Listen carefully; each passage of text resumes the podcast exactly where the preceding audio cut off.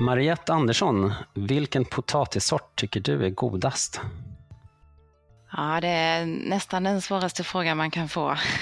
Jag har ingen sån specifik favoritsort, eh, men däremot tycker jag väldigt mycket om att testa ovanliga sorter eh, ute i butiken när det finns.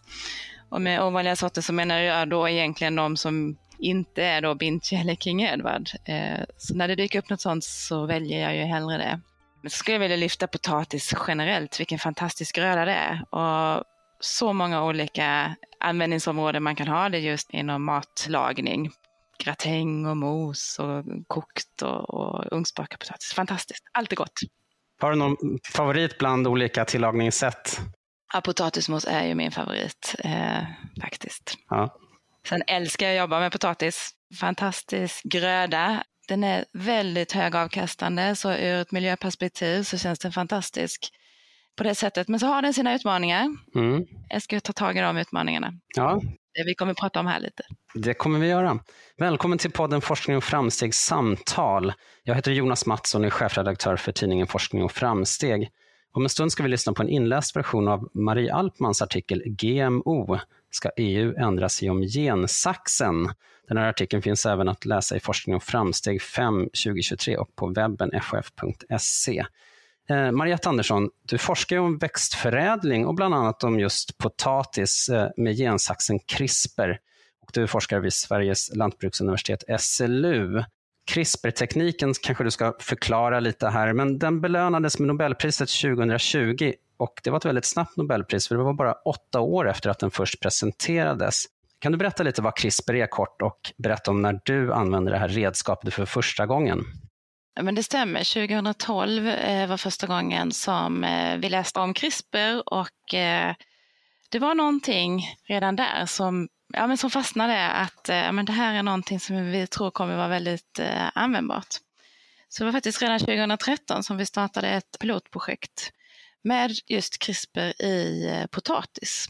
Och det var eh, ett samarbete tillsammans med Sveriges stärkelseindustri som heter Lyckeby där eh, de hade en hållbarhetsutmaning som de frågade oss om vi kunde hjälpa dem att lösa. Vi hade lösningen egentligen hur vi skulle göra det, men vi hade liksom inte metoden att kunna lösa den här frågan. Men insåg att just med CRISPR skulle det kunna vara möjligt. Men det var aldrig testat i potatis. Nej. Så det blev ett litet pilotprojekt och eh, det visade sig fungera väldigt bra. Ja. Kan du förklara kort, vad är CRISPR? Man talar om en gensax och genredigering. Mm. Eh, CRISPR är ett- eh, väldigt specifikt verktyg där vi har en eh, sax som sagt, att, som vi klipper i gener eller genomet i potatis, alltså arvsmassan. När det här klippet görs så börjar cellen, då, eller potatisen i det här fallet själv, att reparera den här skadan som har skett med saxen och laga det. Och när det här lagas så lagas det inte alltid exakt likadant hur det såg ut tidigare. Och då införs det en förändring. Det är på det här sättet som vi använder CRISPR mest i potatis. Man kan också göra ett klipp och berätta för potatisen lite grann hur man vill att den ska reparera den här skadan. Så man kan finlira med den här tekniken som inte har varit möjlig tidigare, som gör den väldigt specifik. Ja, för att förädla grödor, det har vi gjort så länge vi har haft jordbruk. Och eh, före CRISPR, det är ju länge vi har talat om genmodifiering. GMO är genmodifierade organismer. Vad är det som skiljer då CRISPR från hur man gjorde tidigare? Kan du förklara det revolutionerande klivet där? Ja, men som du säger, alltså växtförädling har vi ju jobbat med sedan urminnes tider. Eh, man började med urval där man plockade de bästa växterna med de egenskaper man ville ha tills att man tog egenskaper och började korsa ihop två olika kanske individer med olika egenskaper som man ville ha. På 30-talet så började man införa mutationsförädling och det gjorde man på grund av att man ville ha fler egenskaper in i sin korsningspopulär, det man ska kunna använda och, och kossa och odla så småningom. Och med den här mutationsförädlingen då så, så kan man öka avkastning och man kan eh, göra dem tåligare och, och så. Men man har inte kunnat vara så specifik tidigare, utan man har liksom skjutit blint. Man har infört väldigt många mutationer med den här tekniken. Så vad man med CRISPR kan göra är att man kan vara väldigt, väldigt specifikt. Man använder en målsökare tillsammans med gensaxen. Så vi kan redan innan rikta just saxen till exakt det stället i genen eller i genomet som vi vill föra in den här mutationen. Istället då för att, att skjuta helt blint och införa väldigt många. Så det är en, faktiskt någonting som forskare och förädlare har önskat länge. På vilket sätt eh, förändrar du och dina kollegor potatisarna? Vilka problem är det ni löser? Eh, ja, men vi forskar eh, med egenskaper som är bra både för vår hälsa och för vår miljö. Så vi vill eh, bidra till att lantbrukare ska kunna få tillgång till sorter som är eh, ja, men mer hållbara. Vi vill också hjälpa till och bidra med, med potatissorter som är hälsosammare för eh, allmänheten.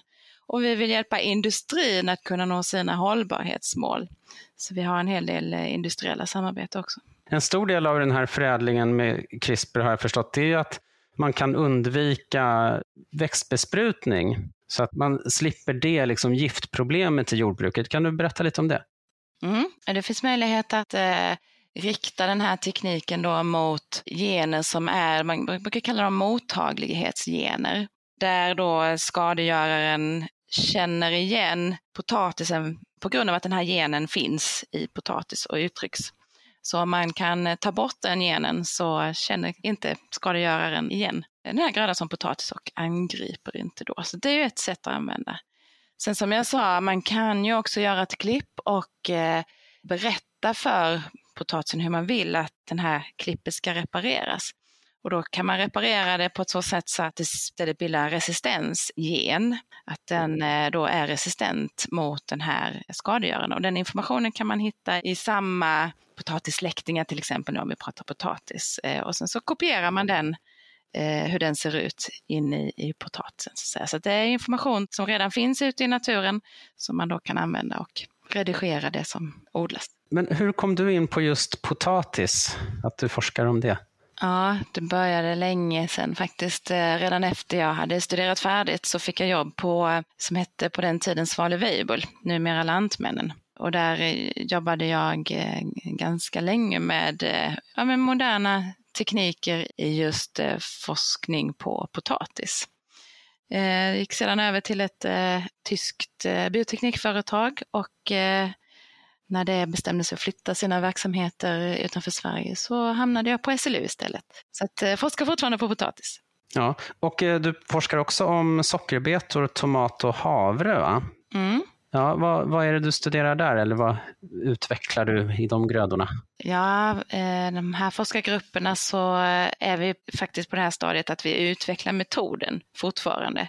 Potatis visade sig metoderna fungerar väldigt bra på direkt, eh, men det är så inte fallet i alla grödor. Så vissa grödor är svårare att framförallt regenerera nya plantor från. Att just skapa nya skott med förändringarna. Och havre och eh, sockerbeta har visat sig vara väldigt svåra på det planet. Tomat eh, lättare, lite mer, eh, eh där har vi metod framme så att säga. Men eh, potatis är vi absolut längst eh, komna med. Vilken roll spelar de här teknikerna om man ser i ett större perspektiv med en växande befolkning på jorden och, och så vidare? Ja, i ett riktigt stort perspektiv så står vi inför väldigt många globala utmaningar och där eh, växtförädling i stort är en, eh, en viktig del och kunna bidra till många av de lösningar till de här problemen. Och med som du säger, för att kunna få ett hållbart lantbruk och eh, kunna föda en växande befolkning så behövs det växtförädling, alla typer. Och då tänker jag på alla metoder inom växtförädling. Vi har inte riktigt råd att tacka nej eller säga nej till en viss teknik så länge grödorna vi tar fram är säkra för vår hälsa och miljö. Så eh, de moderna teknikerna nu, de är precisa, de är snabba, de ersätter inte eh, rätt av gamla förädlingstekniker, absolut inte, utan vi behöver allt. Men de är specifika, de är snabba och eh, effektiva så att de kommer ha en väldigt viktig del i framtiden. EU och därmed Sverige har ju hårdare regler kring GMO än många andra delar av världen. Vad beror det på? I övriga världen, till exempel i USA, så är det myndigheter som beslutar om de här GM-grödorna ska odlas eller inte. då görs det en riskbedömning som är omfattande. Men om det visar sig att den här riskbedömningen att grödan är säker för hälsa och miljö så kan den bli godkänd. Det görs samma sak i EU. Det görs en riskbedömning. Men skillnaden här är att även om den visar sig vara säker för hälsa och miljön så blir det ett politiskt beslut på om den ska odlas eller inte. Och då eh, krävs det en kvalificerad majoritet inom EU och då finns det vissa länder som konstant röstar nej till de här grödorna. Vilket gör att det finns ju väldigt få GM-grödor som odlas i Europa, bara en idag just nu, en majs. Så det är ju inte det vetenskapliga som eh, på något sätt bedöms eller är grunden till om en gröda odlas i Europa eller inte, utan mer ja, politik, känslor. Mm. Och eh, nu i sommar så väntar vi ett nytt eh, besked från EU-kommissionen om en förändring av regelverket. Och då handlar det om ett undantag för just grödor som har redigerats med gensaxen CRISPR. Varför är det rimligt med ett undantag för just CRISPR? Det gjordes en studie som 2021 publicerades av EU-kommissionen där de eh, hade konstaterat att den nuvarande lagstiftningen den är för, eh, för gammal. Den inkluderar inte tillräckligt med information för att kunna reglera eller undanta de här nya moderna teknikerna, utan är baserad på äldre tekniker bara. Så det behövdes klargörande för hur de här nya teknikerna då kommer att regleras eller undantas. Eh, och det kommer vi få se under sommaren nu vad det här blir för beslut. Men eh, mm. vad hoppas du ska komma ut av det här förslaget på en ny reglering? Ja, de här nya teknikerna använder vi ju vi gör ju egentligen inget nytt, utan det här att vi inför de här förändringarna skulle lika väl kunna ske spontant i naturen eller med traditionella förädlingsmetoder. Så min förhoppning med den nya lagstiftningen är att man jämställer de här grödorna med precis sådana grödor som vi redan odlar idag. Att man, eh, man kan inte särskilja på tekniken. Det är det som är A och O i det här egentligen, att du kan inte säga om en, en gröda med den här förändringen faktiskt har skett spontant i naturen eller med, med traditionella tekniker. Och då blir det ju lite märkligt om de ska regleras olika, för du har ingen metod som du kan särskilja de här på. Och egentligen har du ingen skillnad på utgången på, på grödan heller. Vad skulle du vilja säga till de som är oroliga inför den här utvecklingen där vi modifierar och redigerar grödor på det här sättet?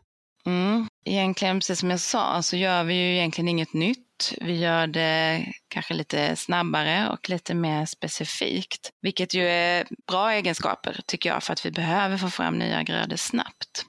Är man orolig och, och intresserad så tycker jag att man ska läsa, fråga, lyssna. Lite som eh, Greta Thunberg säger, lyssna på experterna, lyssna på vetenskapen. Vad finns det att hämta och vad sägs där?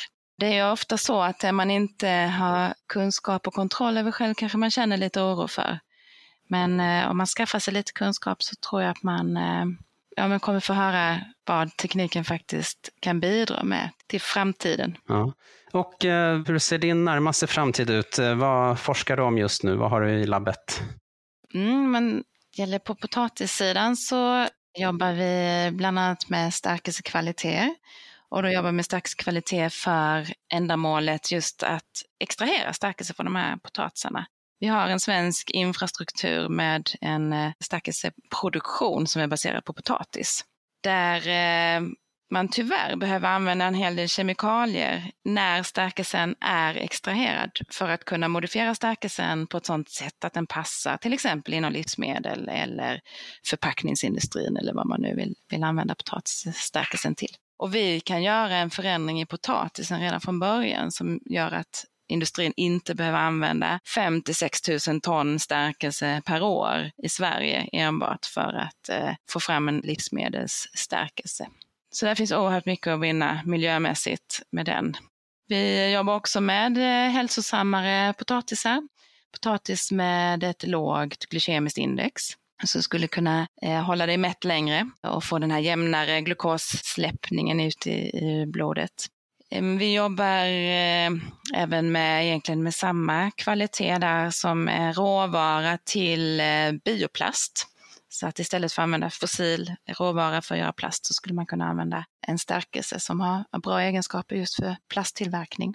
Vi, ja, jag har många exempel, men tiden ja. kanske tar slut. ja, men eh, tusen tack Mariette Andersson. Och eh, jag vill säga till dig som lyssnar och vill höra mer av Mariette och andra forskare, lyssna på vetenskapen, så är Mariette med på Forskning och framstegs kunskapskryssning med Viking Line i september. Mer om den kan du läsa på fof.se kunskapskryssning. Och eh, redan nu ska vi höra mer om Mariette Anderssons forskning i eh, Marie Alpmans artikel GMO, ska EU ändra sig om gensaxen? Som även finns att läsa i Forskning och framsteg 5 2023. Du som vill prenumerera på Forskning och framsteg kan alltid gå in på fof.se podderbjudande. GMO. Ska EU ändra sig om gensaxen? Med gensaxen CRISPR-Cas9 utvecklas grödor som ska klara klimatförändringar och minska mängden bekämpningsmedel. Men i Europa sätter lagstiftningen stopp för odling. Är en omsvängning på väg? Text och bild Marie Alpman. Potatisplantor växer på rad i det gulaktiga skenet från lamporna i ett av växthusen på Sveriges lantbruksuniversitet, SLU, i Alnarp i Skåne. Växtförädlingsforskaren Mariette Andersson gräver runt i jorden i en av krukorna och får upp en liten potatis. Det speciella med den här potatisen är att den saknar förmåga att bilda giftiga glykoalkaloider, förklarar hon och fingrar på den lilla knölen. Glykoalkaloider bildas naturligt i potatis som skydd mot skadedjur och svampangrepp. Ljus kan trigga processen. Ljus gör också att potatisen bildar klorofyll. Så gröna fläckar är en varningssignal om att potatisen kan innehålla gift. Men i de här plantorna har generna som ansvarar för gifttillverkningen slagits ut med hjälp av gensaxen CRISPR-Cas9. Vi har fått ner gifthalten under detekterbar nivå, säger Mariette Andersson.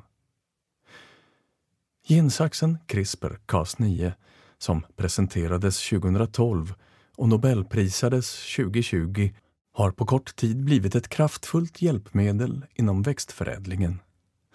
Enligt en rapport från FNs mat och jordbruksorganisation kan gensaxen bli ett viktigt redskap för att möta de utmaningar som klimatförändringarna och befolkningsökningen innebär för livsmedelsförsörjningen.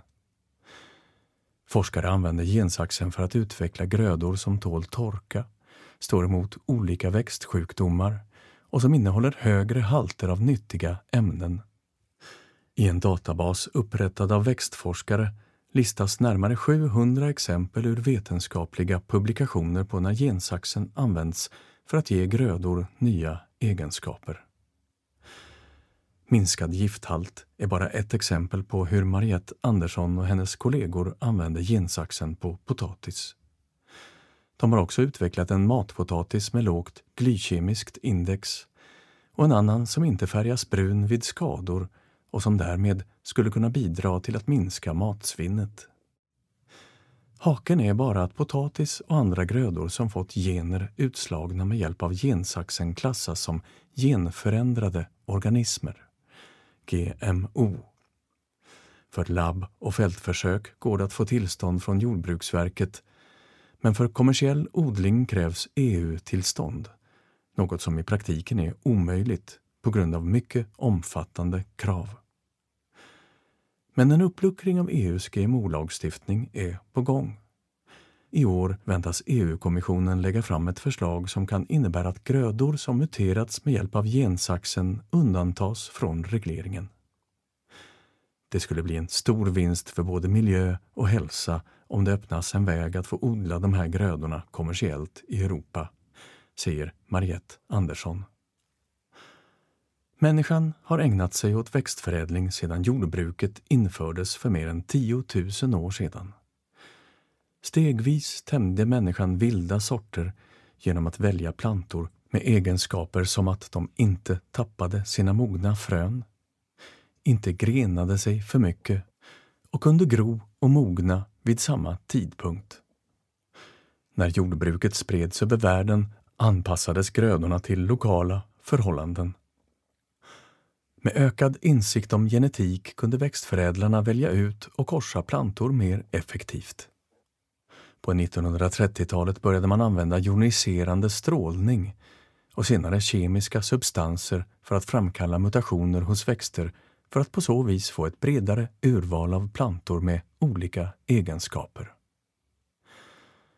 På 1970 och 80-talet lärde sig forskarna att flytta gener från en art till en annan och mellan individer av samma art. Den första kommersiella grödan som framställdes med sådan så kallad rekombinant DNA-teknik var en tomat med fördröjd mognad som godkändes i USA 1994. Samtidigt kom krav på reglering och EU fick sin GMO-lagstiftning 2001. Där krävs bland annat särskilt tillstånd för kommersiell odling och märkning av livsmedel och foder som innehåller GMO. Endast fyra genetiskt modifierade grödor har godkänts för odling inom EU. Och den enda som odlas idag är en fodermajs med inbyggt skydd mot skadedjuret majsmått och som godkändes 1998. Lagen gör dock undantag för växter som utvecklats med hjälp av strålning och kemikalier eftersom dessa metoder för att framkalla mutationer har använts i växtförädlingen under lång tid innan lagen infördes. Problemet är att de skjuter brett och skapar massor av slumpmässiga mutationer, önskade liksom oönskade. Att sålla fram en växt med bara bra egenskaper är både en lång och kostsam process. Det är här som gensaxen kommer in i bilden. Plötsligt kan växtförädlarna välja i vilken gen och var i genen mutationen ska ske. Och eftersom kunskapen om geners funktion fullkomligt exploderat på senare år går det allt oftare att lista ut var en mutation får störst effekt. Mariette Andersson förklarar hur forskarna använder gensaxen på potatis. Blad plockas från en potatisplanta av den sort som ska muteras. Bladen hackas. Ett enzym tillsätts så att cellväggarna försvinner. Till cellerna utan väggar, protoplasterna, tillsätts gensaxen som gör ett klipp i den gen som forskarna bestämt på förhand. När cellen lagar hålet som bildas i DNA-kedjan blir det ofta fel. En bit faller bort eller ersätts av en ny. En mutation har skett. Men att skapa mutationen är bara första steget. Parallellt görs samma klipp i tusentals celler. Cellerna odlas i små skålar, groddas och analyseras. När groddarna växt till sig flyttas plantorna till växthuset. Så här långt tar processen ungefär ett år och först när potatisen är mogen går det att utvärdera effekten. Jämfört med tidigare metoder går det ändå snabbt, förklarar Mariette Andersson. Före CRISPR tog det lång tid att utveckla nya potatissorter. Vi vinner många år när vi kan rikta oss direkt mot en specifik gen. Det här sättet att skapa riktade mutationer med gensaxen har fått ett eget namn. Genredigering.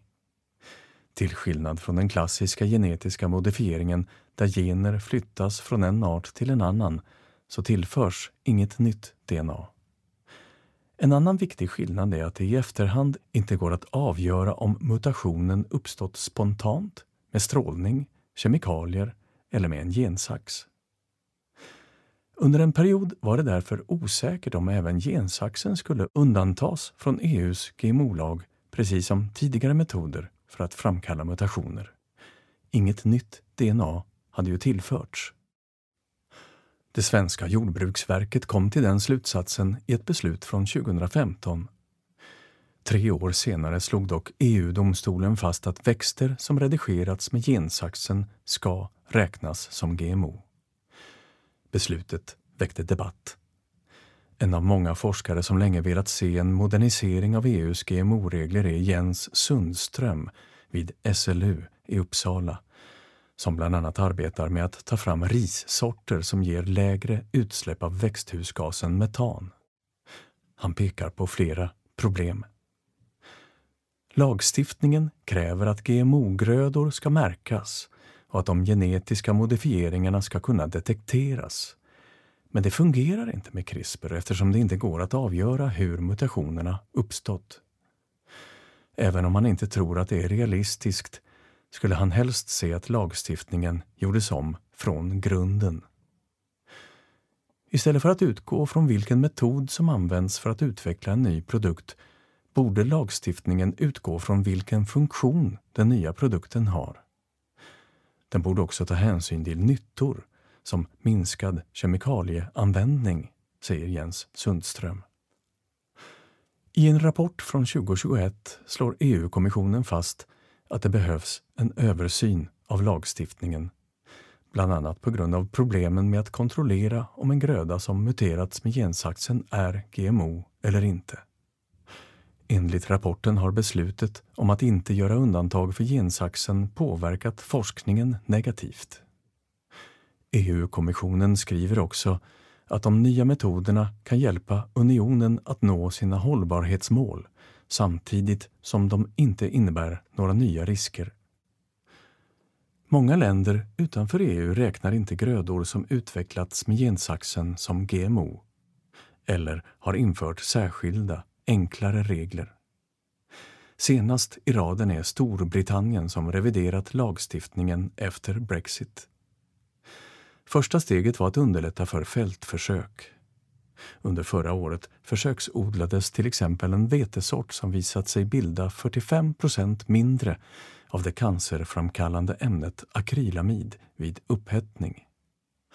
Ett annat exempel är en tomat som bildar D-vitamin.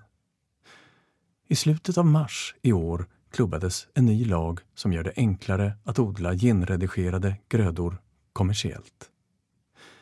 Enligt Jens Sundström riskerar Europa att bli omsprunget av resten av världen, något som kan leda till stora problem för handeln.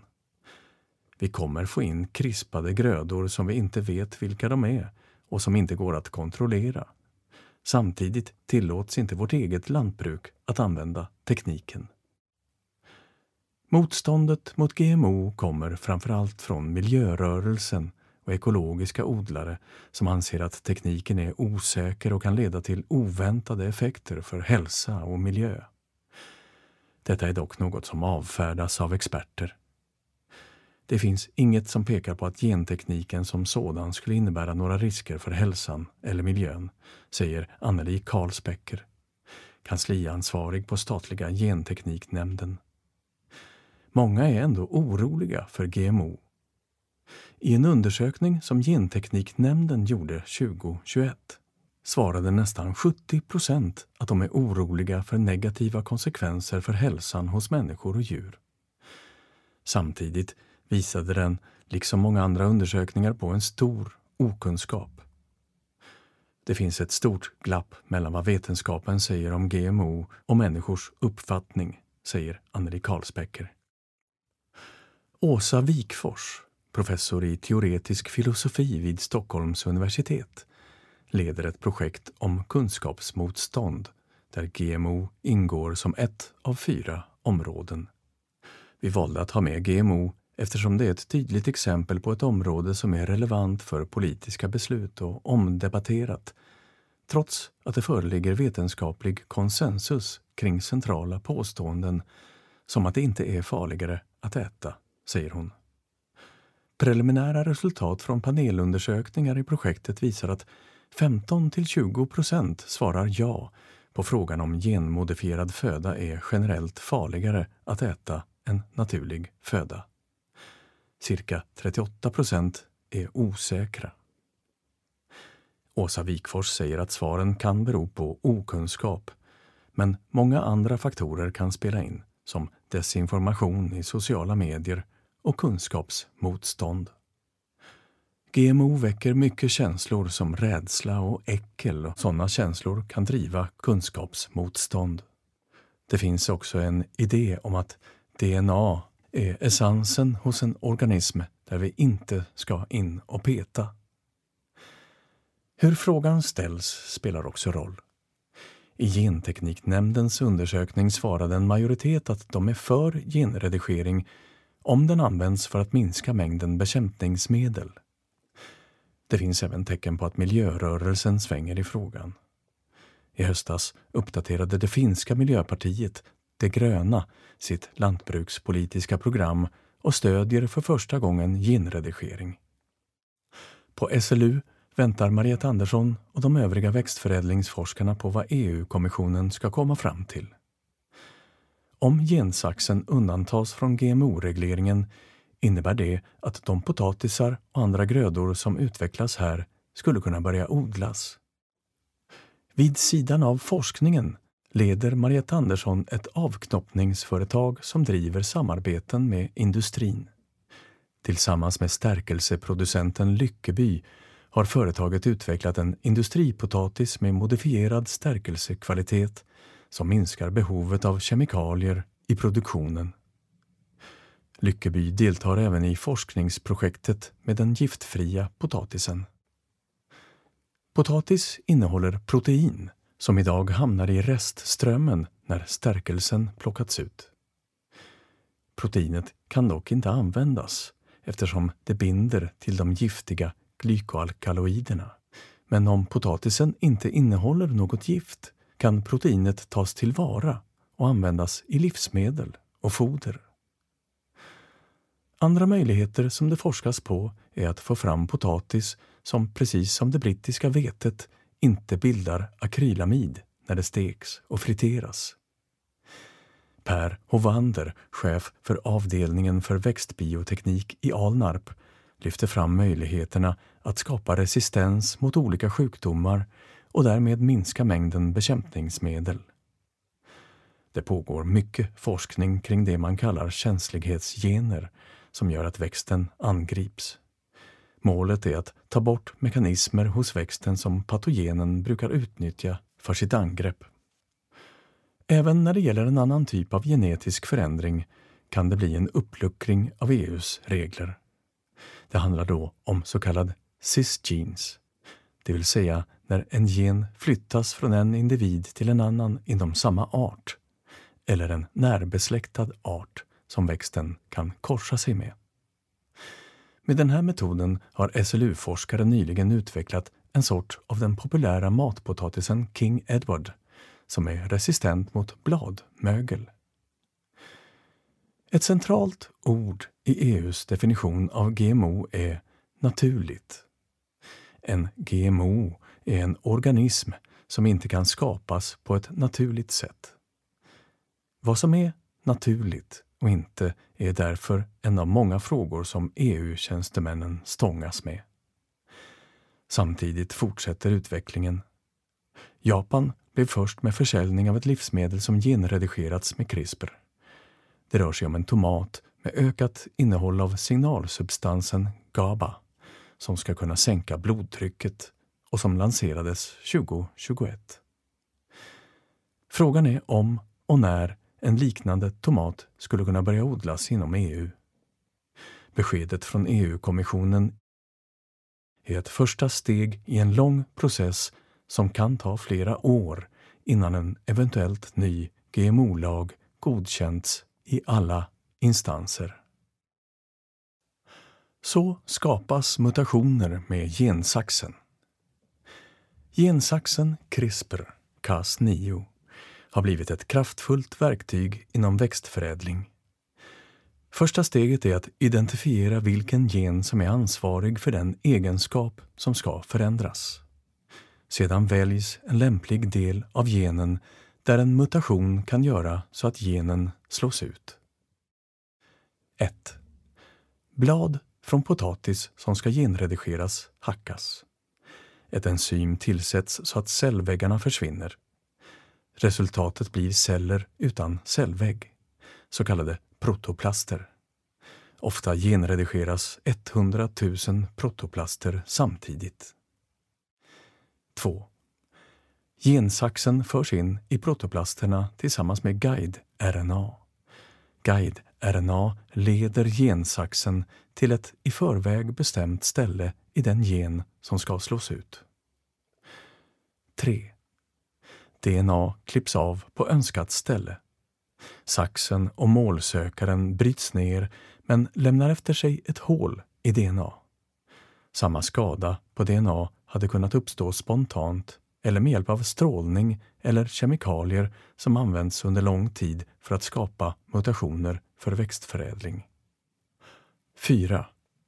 Potatisen reparerar skadan, men ofta reparerar den inte exakt som det såg ut från början. Den kan till exempel tappa bort en byggsten eller sätta in en annan.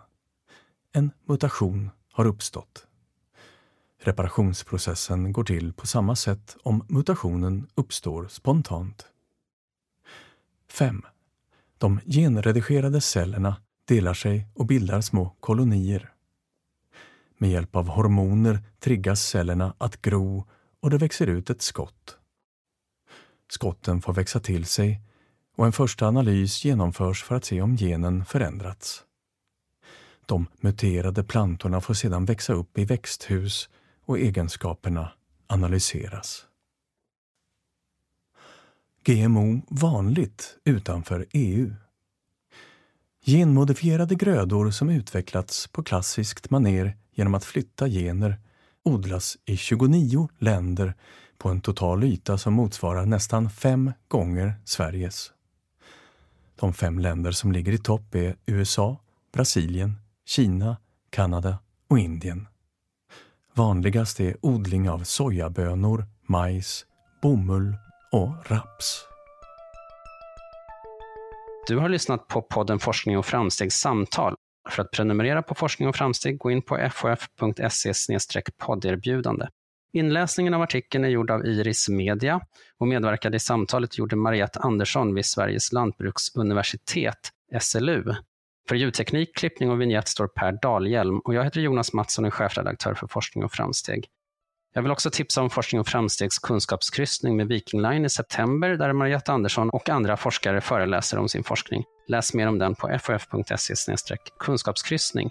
Och missa inte heller podden om vetenskap där Forskning och framsteg gästar med de senaste vetenskapsnyheterna. Tack för att du lyssnade.